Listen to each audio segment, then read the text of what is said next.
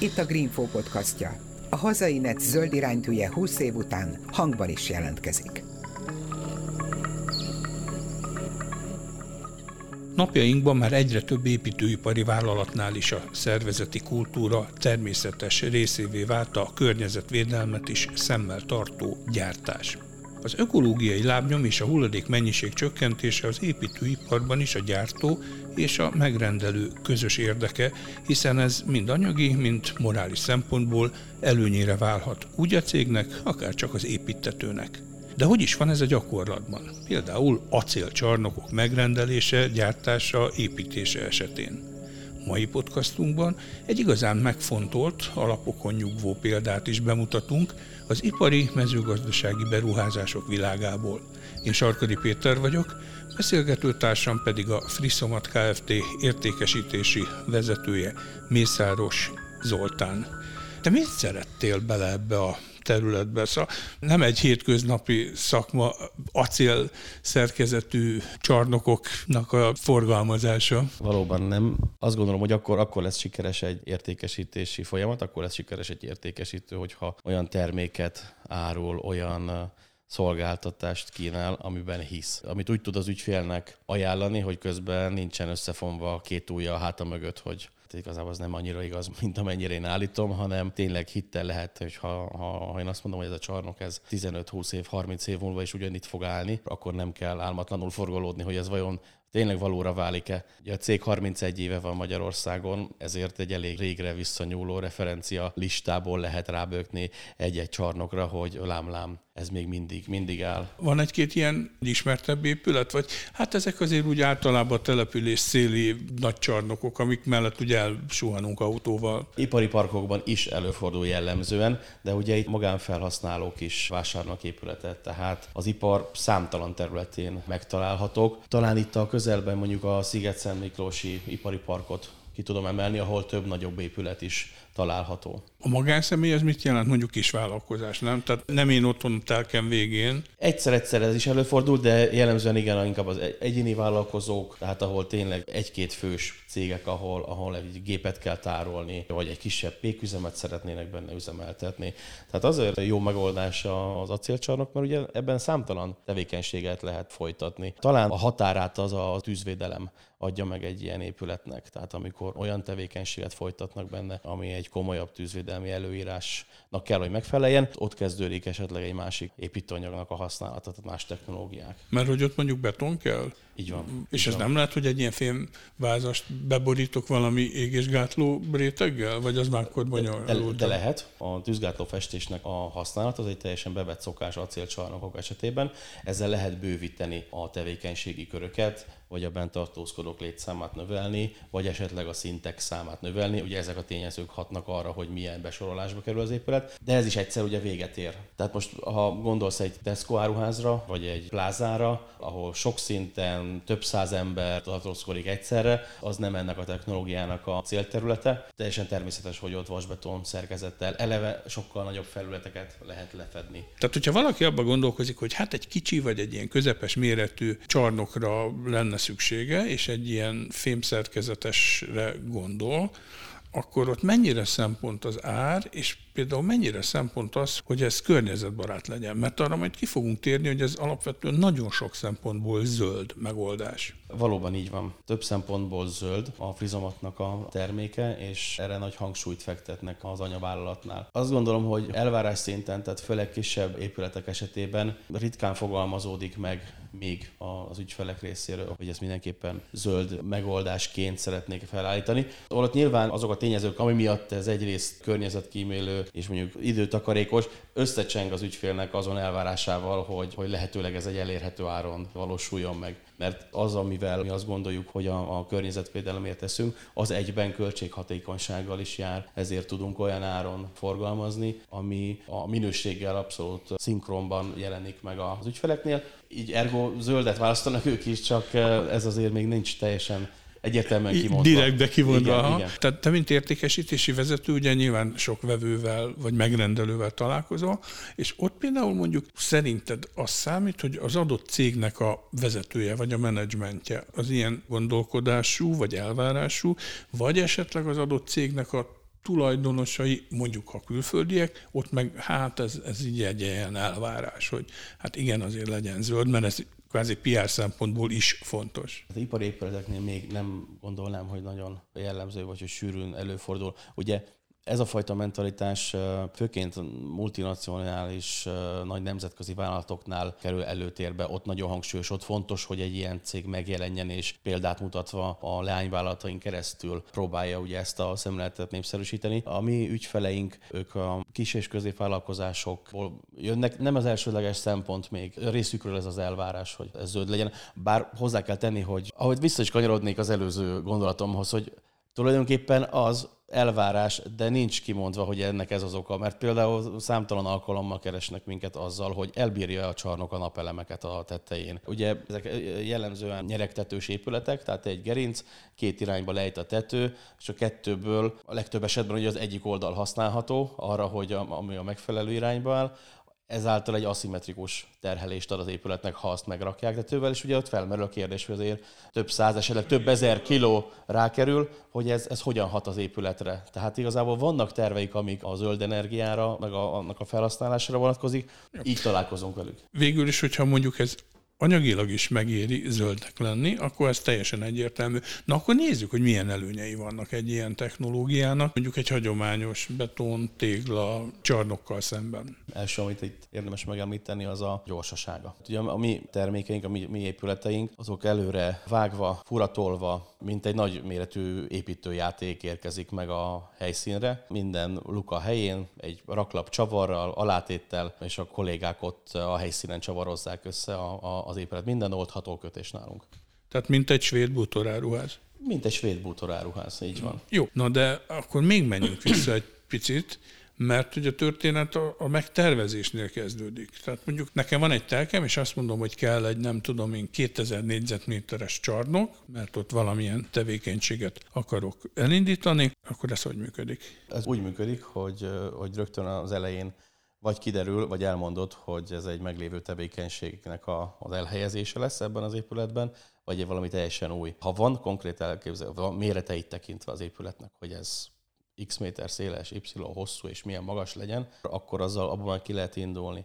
Viszont a mi feladatunk az is, hogy az épület ne legyen feleslegesen túltervezve méreteiben. Mert egyrészt energiát visz fűtés, hűtés, maga az épület is nyilván jóval drágább, és feleslegesen épít egy nagy monstrumot, amikor nem is feltétlenül van szükség rá. Na de akkor a ti szakembereitek kimennek, mondjuk megnézik, és egy komplet kész tervet az adott helyre elkészítenek, megterveznek? Nem teljesen. Első körben mindig az értékesítővel áll kapcsolatban az ügyfél. Tehát az értékesítőnek feladata, hogy felmérje az ügyfél igényét, ha esetleg szükség van rá, akkor adjon neki egy kis támogatást abba az irányba, hogy hogyan tudná a legoptimálisabb épületet megépíteni méreteiben. Ugye ez nyilván a felhasznált anyagoknak a mennyiségét is befolyásolja. Ez is ugye a, a költséghatékonyság, a környezetkímélésnek az egyik támogató eleme. Első lépésként ez a legfontosabb, hogyha körvonalozódik az épület, ugye emiatt az előre mérnökölt rendszer miatt mi viszonylag gyorsan tudunk egy árajánlattal reagálni, hiszen súly alapú a számítás hamar lát egy, egy büdzsét az ügyfél, hogy, hogy neki ez mennyibe fog kerülni.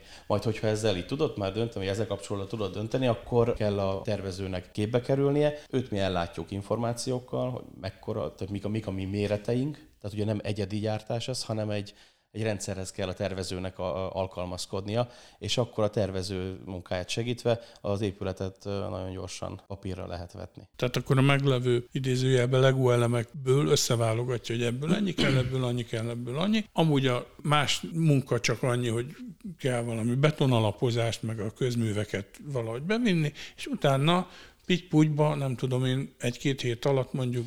Mérettől függ. Akár napok kérdése? Hát napok, napok, napok, azért nem. Ugye a legkisebb épület az olyan 100 négyzetméter körüli, a, a mi esetünkben, amit gyártunk, az egy 8x13 méteres csarnok. Ha egy ekkor épületet veszünk egy kapuval, mondjuk tényleg csak egy, egy ilyen néhány autónak a garázsaként, vagy mezőgazdasági gépek tárolására, azért az egy, az egy 8-10 munkanap alatt elkészül. És egyébként ez valami speciális anyagból van? Mert, mert egy speciális szerkezet? acél? Magas minőségű hidegen hengerelt acélról beszélünk, amit azt gondolom, hogy egyedi, tehát itt Magyarországon nem, nem sokan használnak ilyet. Ez a hajlítása az oszlopainknak, ugye ez egy szigma betűt formáló keresztmetszetű profilt ad, a görög ABC-ből, azon belül is egy aszimmetrikus formát, ami egyrészt arra jó, hogy nagyon jól lehet vele rakodni, tehát gyakorlatilag nagyon sok helyet lehet vele spórolni, egymásba lehet forgatni ezeket az oszlopokat, nem foglal annyi helyet, nagyobb mennyiség felfér egy kamionra, nem lesz annyi plusz fuvar mondjuk egy, egy Heagerendához képest és a másik meg az, hogy növelni tudjuk a, az épületnek a fesztávát, illetve a magasságát, mert ugyanis ez az összefordítás az építkezésnél is működik, tehát elindulhatunk egy 32 centis mérettől szimplán, egészen addig, hogy van egy 400-as méret, vagy egy 450-es méret, 450-es méret, duplán, tehát két oszlop egymásba fordítva, és ezzel megjelenése ellenére, ugye ez egy ilyen kis vékony, filigrán épület képét mutatja, amikor ugye csak az acél szerkezet áll, ahhoz képest építettünk ebből ilyen 20 méter széles 10 méter magas daruzott csarnokot. Tehát amikor a mi szerkezetünkre van a daru ráterhelve teljes fesztávban, azért az egy, az egy komoly terhelést ad, de mégis megáll, biztonságos és tökéletesen működik. Tehát akkor kevesebb anyag kell ugyanannak a stabilitásnak az eléréséhez, kevesebb szállítás kell, tehát ez már két zöld szempont. Kisebb alaptestekre van szükség. Ugye kisebb súlyú az épület, mondjuk egy, egy vasbetonhoz képest, vagy egy melegen hengerelt szerkezethez képest, könnyebb az épület, nincsen szükség akkora alapokra, mint egy nehezebb épületnél. És ezt hol gyártják egyébként? Mert ja. hogyha azt mondod, hogy ez azért egy ilyen Belgiumban. speciális. Belgiumban. Ugye már tűzihorganizott állapotban vásárolják az acéltekercset, ezt jellemzően hajóval szállítják, ugye a belga anyavállalatnál kerül ez raktározásra, ott egy csatorna mentén fekszik a gyárunk, és ott hajtják meg ezeket az oszlopokat, Európa 14 országába onnan szállítják, ott onnan látják el a, a épülettel a leányvállalatokat. És hogyha ez ilyen horgonyzott, akkor ez azt is jelenti, hogy nem kell, vagy csak kevésbé kell festeni? Egyáltalán Már a rozsda miatt? Egyáltalán nem kell, ez tűzi horgonyzott felület, ez, ezt nem kell a rozsda miatt festeni. Mm. Ezt maximum a tűzgátló festéssel kell ellátni, hogyha a funkció ezt igényli, meg a mhm. tűzoltó úgy rendelkezik. Ezen a Belgiumon most meglepődtem egy kicsit, mert az ember azt gondolná, hogy vagy kínai, mert szinte minden Kínából jön, vagy alapvetően mondjuk Ukrajna Ukrajnából, ott a Donbass környékéről Európa egyik legnagyobb acéllátója, hát volt, volt mert most igen. már ugye földig rombolhatták Putyinék. A gyártás zajlik Belgiumba. Maga az acél az, az Európa néhány gyárából származik, hogyha jól vagyok informálva, akkor Franciaországból, Németországból, tehát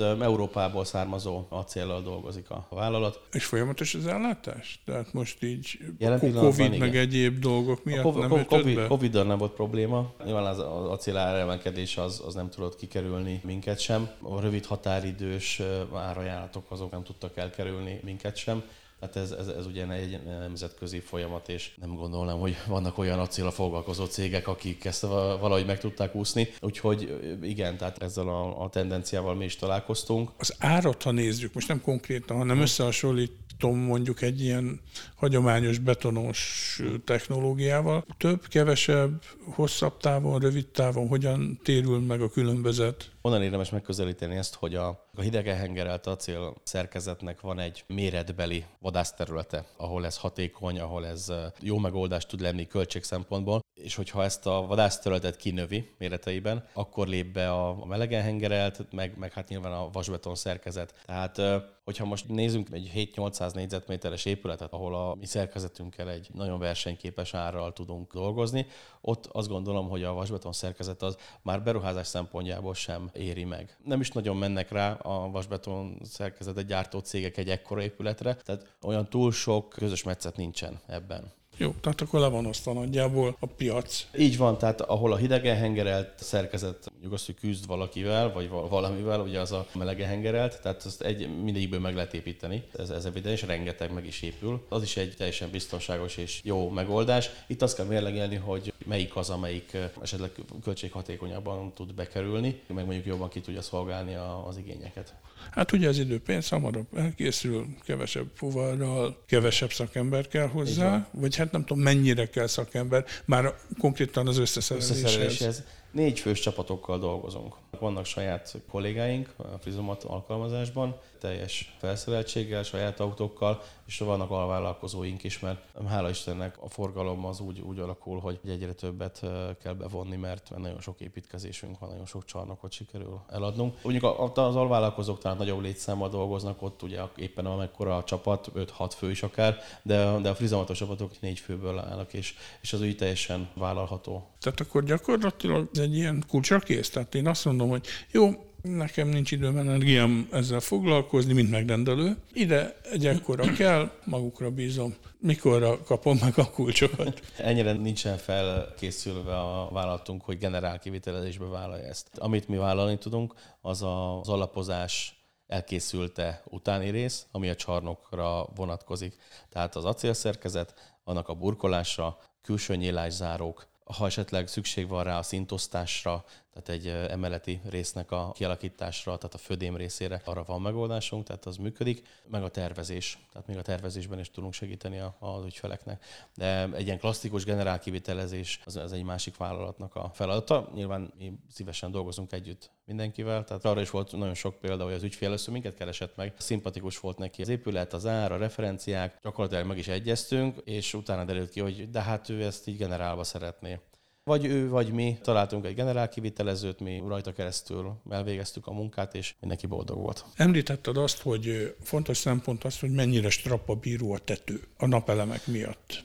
Mekkora igény van rá? Napelemekre? Igen. Hát szinte az összes projektnél előkerül. Már a tervezésnél ez fontos, hogy megjelenjen az igény, meg az, hogy körülbelül azért mégis mekkora terhet szeretnék rátenni. Egyrészt most már ugye ez fontos is, meg előírás is, tehát hogy megújuló energiával kell dolgozni. Ugye nem mindenki a napelemet választja, de, de nagyon sokan a napelemben gondolkoznak. Az esetek 90%-ában az, az előfordul, hogy és egyébként a napelemet azt rá lehetett tenni. És ugye akkor jön a kérdés, hogy rá, de hát azért határozunk meg, hogy mennyit mert ugye egy nagy épületnek az egyik, egyik tetőfelülete azért az, az nagyon komoly. Nézzünk egy 1000 négyzetméteres épületet, ugye 500 négyzetméter napelemet feltenni, az, az, az több tonnás terhelést jelent. Ott azért bevonjuk a statikusokat is, hogy nézzenek rá, ezt, ezt az épületet tervezzük eladni, rá, rákerülne a felére az épület, ugye megkapja ezt az egyoldalú terhelést, és akkor mondják rá azt, hogy ez így továbbra is rendben van-e, vagy esetleg kell valamilyen megerősítés a, a csarnoknak emiatt. Ti megcsináljátok a, fémszerkezetet, de hogy egyből utána rászerelik mondjuk a napelemet, hiszen már bele van tervezve. Tehát nem, mondjuk... burkolat. Nem, nem, vagy... mi beburkoljuk az épületet, gyakorlatilag készre szereljük a csarnokot, és az utólag akkor utána kerül felszerelésre. Nyilván most ahhoz kell ismerni a szerkezetünket a napelemes cégnek, hol lehet rögzíteni, hova lehet feltenni a napelemeket. Ugye elkészülnek a tervek, azon is azért elég jól látszik, hogy hol futnak a gerendák, szelemenek, mihez lehetne kirögzíteni. De van valami fajta ilyen utókövetésetek, hogy úgy tudjátok, hogy a évente átadott X mennyiségű épülettetőnek a hány százalékára került rá egy utólag napelem? Tehát, hogy mennyire elterjedt ez? Nincsen. Utólagos visszakövetés, ez még egy fejlesztendő terület. Az előzetes kérdésekből, ígéretekből, szándékokból merítjük ezt az információt, hogy nagyon nagy százalékban terveznek az emberek napelemmel. Mert ugye jellemzően a mondat az úgy hangzik, hogy megrendelni ezt a csarnokot, meg meg szeretné építeni, de hogy a napelemet tervezünk rá, hogy, hogy az bírni fogja?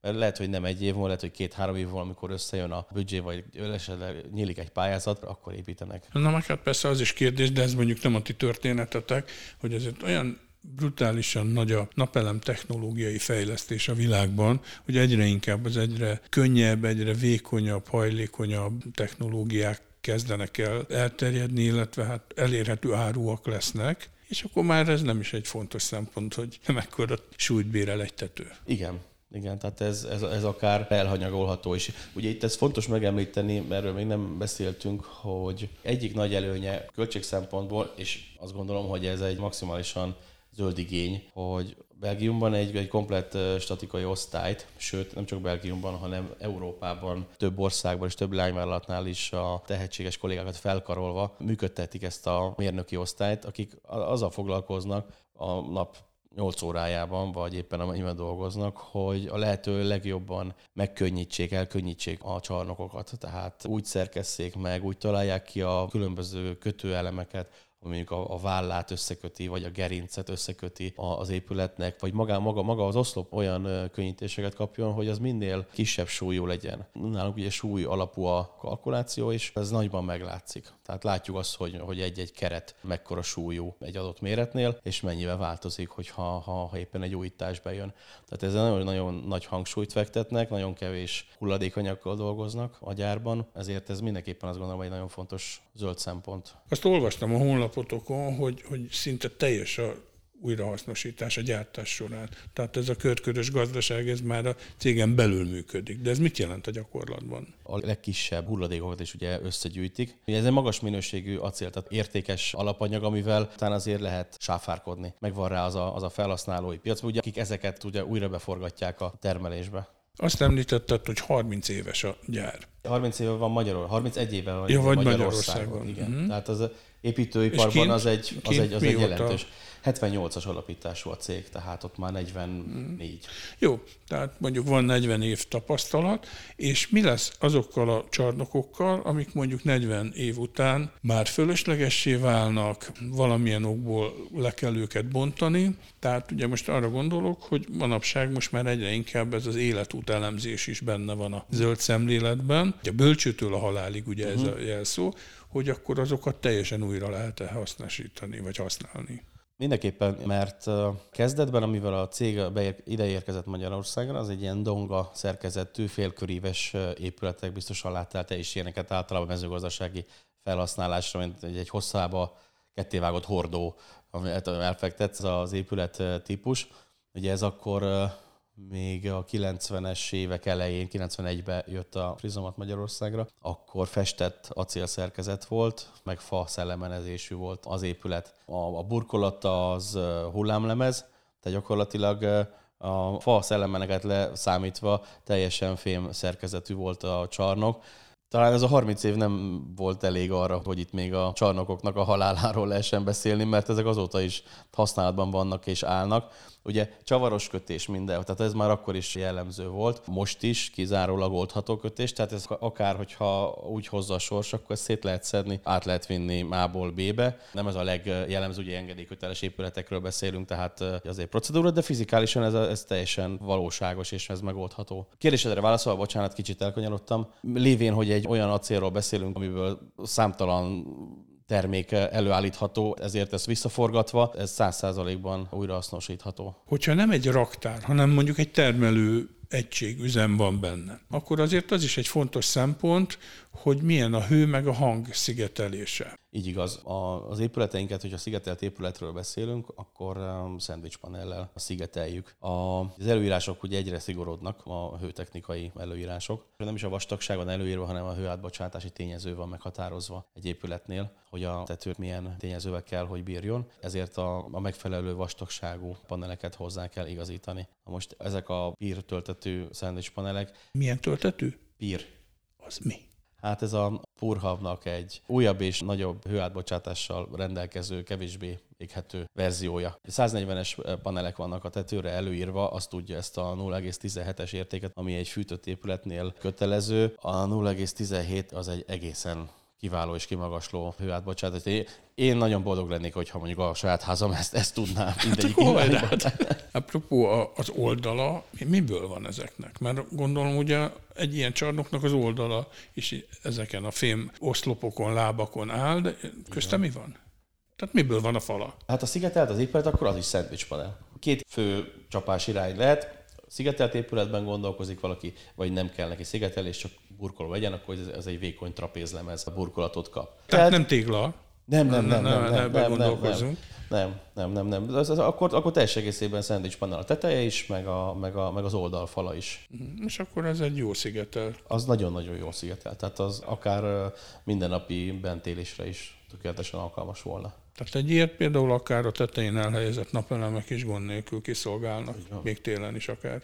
Így van, így van. Mondok egy példát. Építettünk egy borászat számára egy jó nagy épületet, azzal a célral, hogy a palackozott borait ott szeretné tartani, és pince körülményeket szeretne bent elérni. És hát ugye, ugye nyilván nem a föld alá került ez a csarnok, hanem a felszínen áll, egy 160-as oldalfallal, 140-es tetővel épült meg ez a csarnok, és a, a utólag már miután üzembe helyezték, hogy a tele volt a palackozott italokkal, a tulajdonos mondta nekünk, hogy minimális energiabefektetéssel a borok számára fontos pince hőmérsékletet meg tudja vele tartani nagyon jó adatokat tudnak produkálni ezek a panelek. Hát akkor összességében zöld szempontból összességében minden területen egyértelműen nyerő. Abszolút. Abszolút biztatok mindenkit, akinek ilyen szándékai vannak. Részint ugye említettük az árat, tehát csak összehasonlításként, hogy akkor ez végül is drágább, mint egy hagyományos, vagy nem? Bár hogy ugye ezt mondtad, hogy nem. Más, ter- más méretekbe kell gondolkozni. Ö, nem, semmiképpen sem drágább. Talán érdemes összehasonlítani az a melege hengerelt szerkezet, meg a hidege hengerelt szerkezet. Ugye miénk a Sigma profilos hidege hengerelt szerkezet, ugye könnyebb. Maga a termék, maga a csarnok is kisebb súlyú. Emiatt kedvezőbb az ára, kevesebb alapozás, kisebb alaptestek kellenek hozzá, akkor az alapozásban is már tudunk költséget spórolni. Akár a tervezést is nézhetjük, tervezés oldalon is el lehet érni sporolásokat, tehát mi ehhez adunk gyártmányterveket, kezdetben a tervező kap tőlünk alaprajzot, metszetet, amit rá kell éleszteni a saját terveire, ahol ő, ő az összes csomópontot, mindent lát, mindent megkap, nem kell neki kitalálnia. Hát akár ez is, ez is egy olyan szempont, ahol el lehet érni költségcsökkentést, vagy mondjuk versenyelőnyt élvez a másik termékkel kapcsolatban. Az előbb egy ilyen 100 négyzetméteres példát mondtál. Igen. Hát az mondjuk egy családi ház, kvázi egy kádár kocka. Most már olyan brutálisak az építőipari anyagárak, és napról napra mennek föl, hogy mi van akkor, hogy én azt mondom, hogy hát kicsit csarnoknak néz ki, de úgy lehetne alakítani, hogy abból egy lakóházat csináljak. Nincsen kizárva. Nincsen kizárva. Építettünk már Balatonon nyaralót is Ugye a Siófoki központú a cégünk, tehát ott azért elég jól ismerik a vállalatot, és a déli parton ott épült ebből eh, nyaraló is. Aki ezzel a dizájnnal meg tud barátkozni, hogy igazán ipari jellegű az épülete, a hagyományos, a téglaépülethez képest ez egy kategóriákkal olcsóbb megoldást jelent. Na jó, de mondjuk azt is meg lehet csinálni, hogy utólag meg kívül valami olyan elemekkel díszítgetni. Ugyanúgy, hogy... ugyanúgy be lehet vonni szigetelőanyaggal. Ugye maga a eleve szigetel, de hogy, hogy más legyen a dizájn, egy 5 centis szigetelés rátesznek, bevakolják, behálózzák, úgy néz ki kívülről, mint egy téglaépület. Csak jó, azt gondolom, hogy jobban szigetel. És jóval olcsóbb? A téglához képest jóval olcsóbb. Tehát mondjuk, mit tudom én, fele? Kb. hasraütésre? Hát mondjuk azt, hogy fele. És jóval hamarabb kész van? Hát az sokkal hamarabb kész van, igen. Hát akkor itt szóval van egy alternatíva. Van, van ilyen, aki... Ugye azt szokott talán a legjobban beleszólni, hogy ugye a kérdés maga sokszor felmerül ügyfelek részéről, hogy lakóházat szeretnének. Ugye a, a helyi építési szabály, amit ugye a települések hoznak, ott azért sok megkötés van. Tehát például a tetőlejtés. Ugye megvaltározom, hogy mi hány fokos tető, tetőszöggel lehet építeni épületeket adott településen. Ugye nálunk talán az az egyik legkötöttebb része az épületnek. Ugye léteznek lapos tetős épületeink, ami gyakorlatilag egy kocka, 10 fokos, meg 22 fokos tetőlejtés. Kádár kocka, hogyha arra hát gondolsz, hogy ez volt említve, az olyan 45 környékén van, az már nem. Tehát ott, ahol ez elő van írva, hogy mondjuk 30 fok fölöttinek kell lenni, a, a, vagy 35 és 50 között, különböző szabályok vannak, ott akkor az ki van lőve. Meg ugye a megjelenés, tehát van egy településképi elvárás, ahova mondjuk van egy stílusban az egész utca, és akkor valaki oda ezt egy Na csarnokot. Jó, Magyarországon mindenre van példa. igen, igen, emiatt gondolom, hogy talán ez annyira nem. De ez egyébként technológiailag nem megoldható, hogy mondjuk 45 fokosra vigyétek föl? Technológiailag biztos megoldható lenne, szándék nincsen rá. Tehát, hogy van három különböző tetőlejtés, ugye az összes elemünk, az, össze, az egész statikai rendszere, vagy számítás az épületeknek ugye ehhez van kitalálva. Ugye ezek a legjellemzőbb ipari méretek, amivel, amivel lehet dolgozni.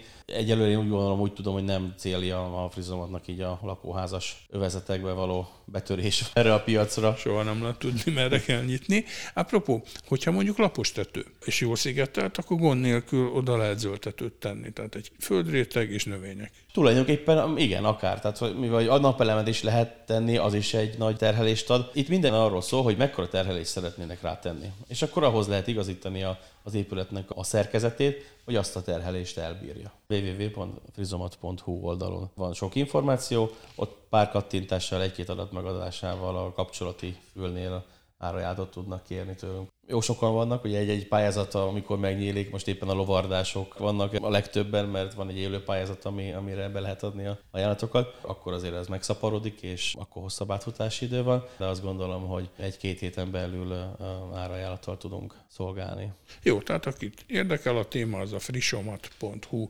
honlapon megtalálja Elér minket így van. Az, az információkat, Köszönöm szépen a beszélgetést. Én Mészáros köszönöm. Zoltánt, a Friszomat Kft. értékesítési vezetőjét hallották. Én Sarkadi Péter voltam a Viszonthallásra.